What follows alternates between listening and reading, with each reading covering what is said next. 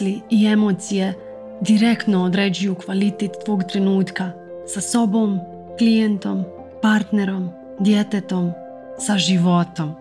Moje ime je Jelena Blagojević i kroz moj podcast ti pomažem da pojačaš prisutnost sa mislima i emocijama.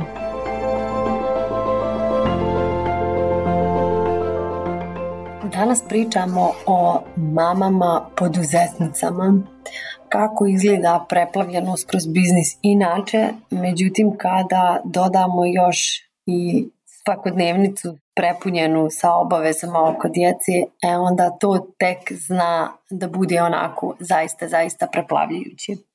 Juče sam imala konsultacije sa jednom predivnom klijenticom, ajmo je nazvati Marija po običaju, i zaista je došla onako preplavljena, ne mogu da izdržim, nemam vremena za sebe, na sve strane me razlači. Djeca su mala, hoću da ih vozim u vrtić. Neće da idu, hoće da idu. Hoće vrijeme za sebe, hoće vrijeme sa mnom. Moram da se posvetim biznisu. Osjetim da sam na sve strane i da nisam nigdje. I biznis zna da djeluje tako surovo. zna da te konzumira cijelu, zna da te prosto uzme i ne pušta. I na nama je da budemo jako oprezne sa i jako štedljive sa energijom, da naučimo kako da dajemo tu energiju i istovremeno da obnavljamo vlastiti energetski izbor. Šta hoću da kažem? Odgajanje djece je samo po sebi jako naporno u smislu fizički, traži se od tebe konstantan rad, stalno ima posla oko njih, i dok su mali i dok su veći. Ja još nisam doživjela da pređu preko 10 godina, tako da ne znam kako izgleda nakon toga, ali do sad je zaista bilo izuzetno i fizički i psihički naporno i zahtijevalo je od mene da stalno primjenjujem naučene coaching alate za umirivanje i za obnavljanje mog vlastitog izvora jer ako po cijeli dan dajem, dajem, dajem, dajem, uveče se pretvorim u mama až daju i to ne izgleda ni malo lijepo. Zamolila sam klijenticu Mariju da mi ispriča kako izgleda njen dan.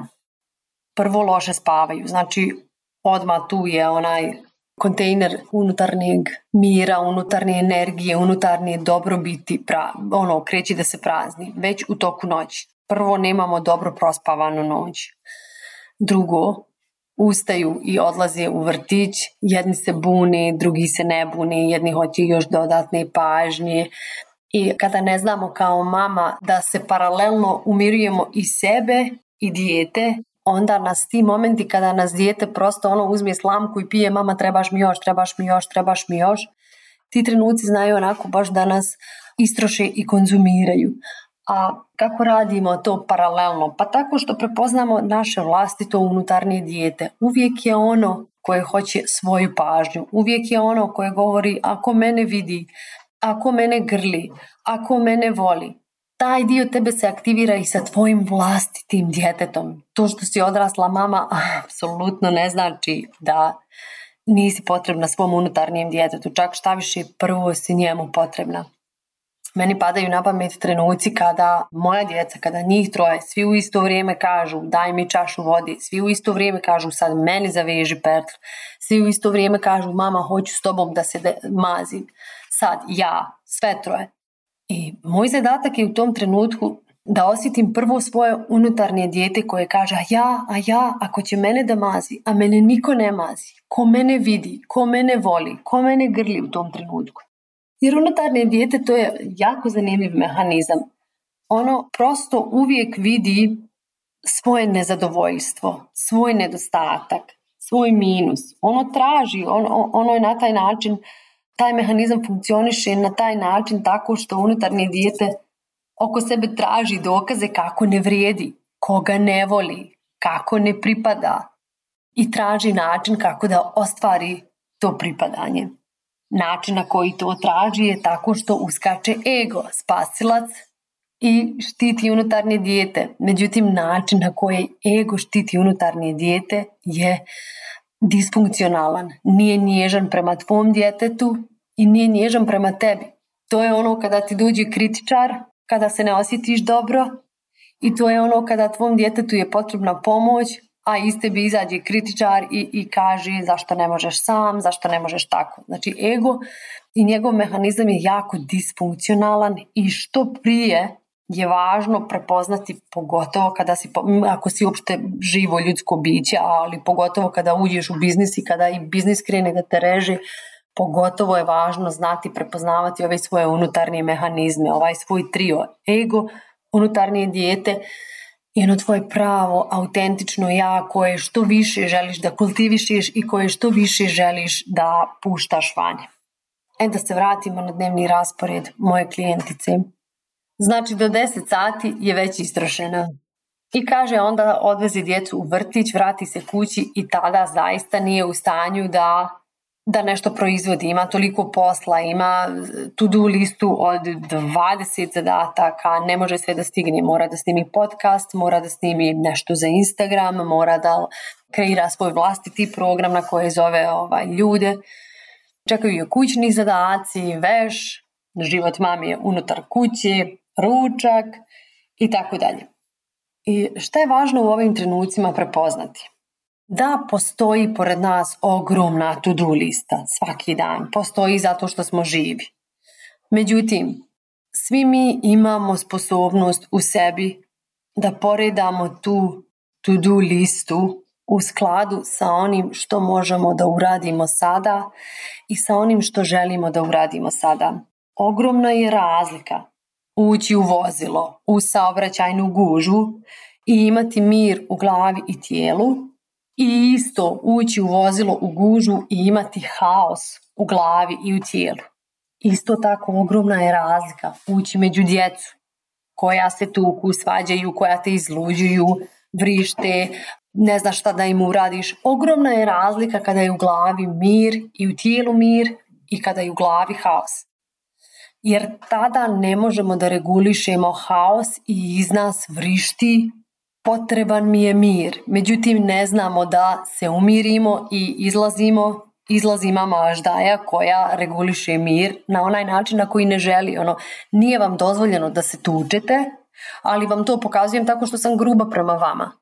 To je ono što mi mame radimo kada ne znamo da regulišemo unutarnji mir. I uopšte nije do količine zadataka na to-do listi, nego i do našeg unutarnjeg stanja. I što prije naučimo da umirujemo i regulišemo unutarnje nemire, to nam je lakše i da nosimo sebe u dan. Kada bismo se vratili na svaki od ovih zadataka, neprospavana noć, jutro naporno, odlazak u vrtić, paralelno umirivanje djece koja se tuku, posle vrtića idemo da izađemo vani, da prošetamo, nakon toga nas čeka kuća, da jedemo i paralelno umirujemo djecu koja ne prestaju da se tuku i to je jako uznemirujuće za nervni sistem jedne mami. I želim ovdje isto da vam kažem, pošto to mamama predstavlja jako veliki problem, kako da djeca prestanu da se tuku, kako da se prestanu tako grubo udarati, nije u redu da se tako grubo udaraju dječaci. Moram da vam kažem da je to način preživljavanja. Pogledajte mali tigriće kako međusobno se tuku i pripremaju za lov. Sve životinje se kroz tu međusobnu igru koja je na granici sa borbom, nekada i gruba borba, svi se na taj način dovode svoje tijelo do granice izazova i na taj način prevazilaze svoje granice i prevazilaze svoje prepreke. To je prirodno. Zašto nam nije prirodno gledati? i primijeti sada kod sebe otpor, eto da ih pustim da se poubijaju. Znači samo primijetiti da ima otpor na ovo što sam rekla, ako ima, ako nema, važi, super. Zašto nama je to toliko teško da tolerišemo? Zato što nama, ovim generacijama, nije bilo dozvoljeno da se tučemo. Zato što smo se mi morali kriti da se tučemo sa našom sestrom ili bratom. I to sam ja sa svojom sestrom i radila. Mi smo morale da se sakrijemo, onako prepoznamo signalizujemo očima da hoćemo da se potučemo i onda se samo maknemo tamo u sobu i potučemo se na miru. Međutim, kad mama dođe, postrojimo se, stanemo mirno, pretvaramo se da se nije ništa desilo, budemo jako zadihane i ono što uslijedi je najgora trauma. Ovo što između sebe se potučemo nije uopšte bila, nije bila trauma, bilo je igranje koje je znalo prevazići svoje granice, ali smo to znale međusobno riješiti i ponovo biti dobro. Međutim, mama kad uđe, to je te stvari, način na koji je s nama razgovarala, kako bi ona nas udarila, to je na nas ostavljalo traume. Nije međusobni sukob, nikad međusobni sukob, ali nije način na koji bi to rješavala, apsolutno jest. I na ovu želim da vas vratim. Ono, želim da se moja djeca ne tuku, želim da bude mir između njih, ali pazi na koji način im sugerišiš taj mir. Da li si ti gruva da li ti galamiš, da li ti govoriš riječi koje su uvredljive, da li posramljuješ. Onda im tu lekciju daješ. Kada sam vam potrebna kao podrška, ovu ćete dobiti od mene. I to je ono što će oni naučiti sami da radi. I sada se vraćam na moju klijentku. Znači ide težak dan. Djeca konzumiraju, biznis od nje traži prisutnost, osjeća se, da njen, njen opis je bio osjećam se nesposobna, da se pojavim za sve, i za biznis i za djecu. Kada čujem ovako da opišemo sebe, to automatski znam da je rečenica koju smo pokupili od roditelja, u većini slučajeva od mami. I kada smo razgovarali o tome, naravno ponovo imamo ovaj high achievera sa druge strane, koji postiže sve u životu, koji je starija sestra i koji je na sebi morao da nosi emocije mlađe sestre i koja je jako čisto bila optuživana da je kriva za porodičnu dinamiku i koja je nesposobna da se ponaša onako kako bi trebalo. I pogodišta. šta? U trenucima kada se zaista osjeća slabo, kada ju je potrebna pomoć sa strane sa djecom, kada ju je potrebna njena vlastita podrška, pogodi koji glas izađe umjesto podrške. I sad je ovaj kritičar koji joj govori ti si kriva što si se našla u takvoj situaciji. Ti si nesposobna da se nosiš sa svim ovim što je ispred tebe. Do tebe je. I koliko je važno prepoznati da se javi kritičar i koliko je važno automatski naučiti da kada smo u lošem periodu, kada nam je potrebna podrška, da odmah radimo na tome i da damo sebi podršku. Da ne čekamo kritičara da odradi svoje po automatizmu.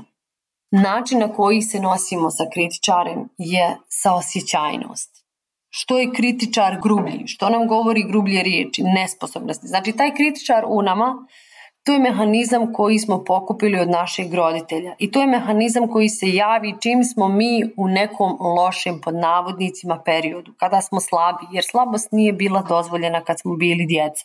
I tada bismo mi od roditelja dobijali neku vrstu kritike da nas iščupa iz slabosti. Kako si dobio trojku, kako, zašto nisi dovoljno učio, zašto nisi takav, a zašto jesi takav. Umjesto dolazim da razumijem gdje si, dolazim da razumijem i da prepoznam kako ti mogu pomoći, da li se nešto dešava. Znači dolaziš iz one tačke iz znatiželje, iz neutralnosti, želiš da otkriješ šta se to dešava sa tvojim djetetom.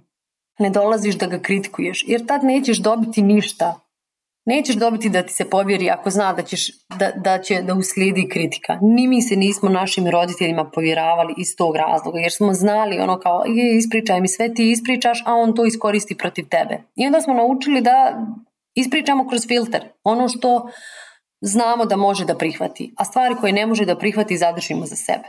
Ne želimo takav odnos i sa našom djecom, a to ćemo ostvariti tako što naučimo da budemo nježni prema sebi u trenucima kada smo slabi, kada naš performans nije 100% nego 20%, kada ne možemo u isto vremeno da se pojavimo i za djecu i za biznis.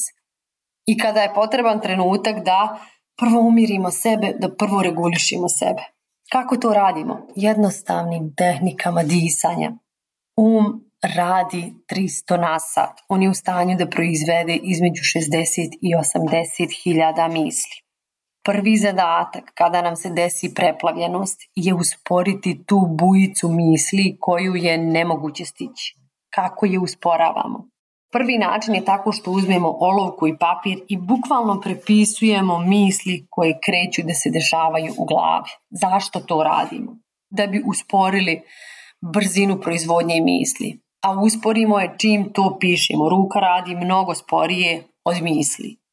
Kada to uradimo i kada osjetimo, znači dovoljno dugo sjedimo, možda će ti trebati 10 minuta, možda će ti trebati 15, možda će ti trebati 5 minuta da usporiš ovu brzu proizvodnju preplavljenosti i misli.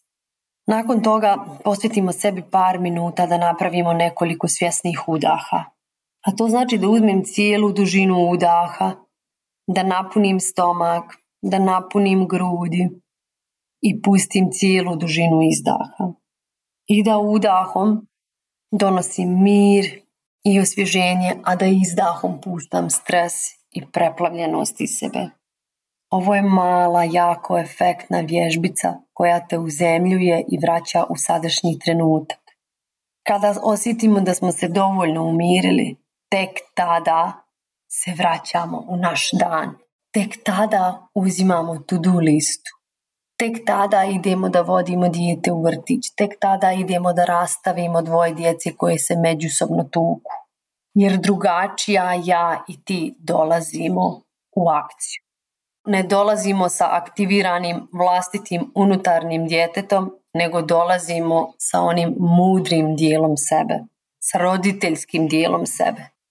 Tako da još jednom ću vas podsjetiti pred bilo koju frku, mentalnu, fizičku, šta je potrebno da uradimo, prvo umirimo sebe. Prvo regulišemo našu preplavljenost i bujicu misli, siđemo iz glave u tijelo, jako se fokusiramo na disanje, opuštamo tijelo, svu svoju pažnju usmjeravamo na cijelu dužinu udaha, na cijelu dužinu izdaha. I ponovo, cijela dužina udaha, cijela dužina izdaha i osjeti koliko te ovo umiri. I tek onda pustiš sebe da ideš u dan da rješavaš stvar, A potpuno drugačija ti sada dolazi. Hvala vam na prisutnosti.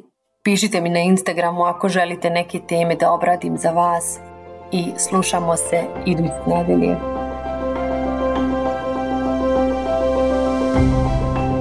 Kako da znaš da nešto razumiješ? Tako što ti primjena postaje druga priroda. Ako ti je potrebna pomoć sa primjenom, paket individualnih konsultacija je rješenje. Zakaži svoju prvu besplatnu konsultaciju na mail ispod i započni svoju transformaciju.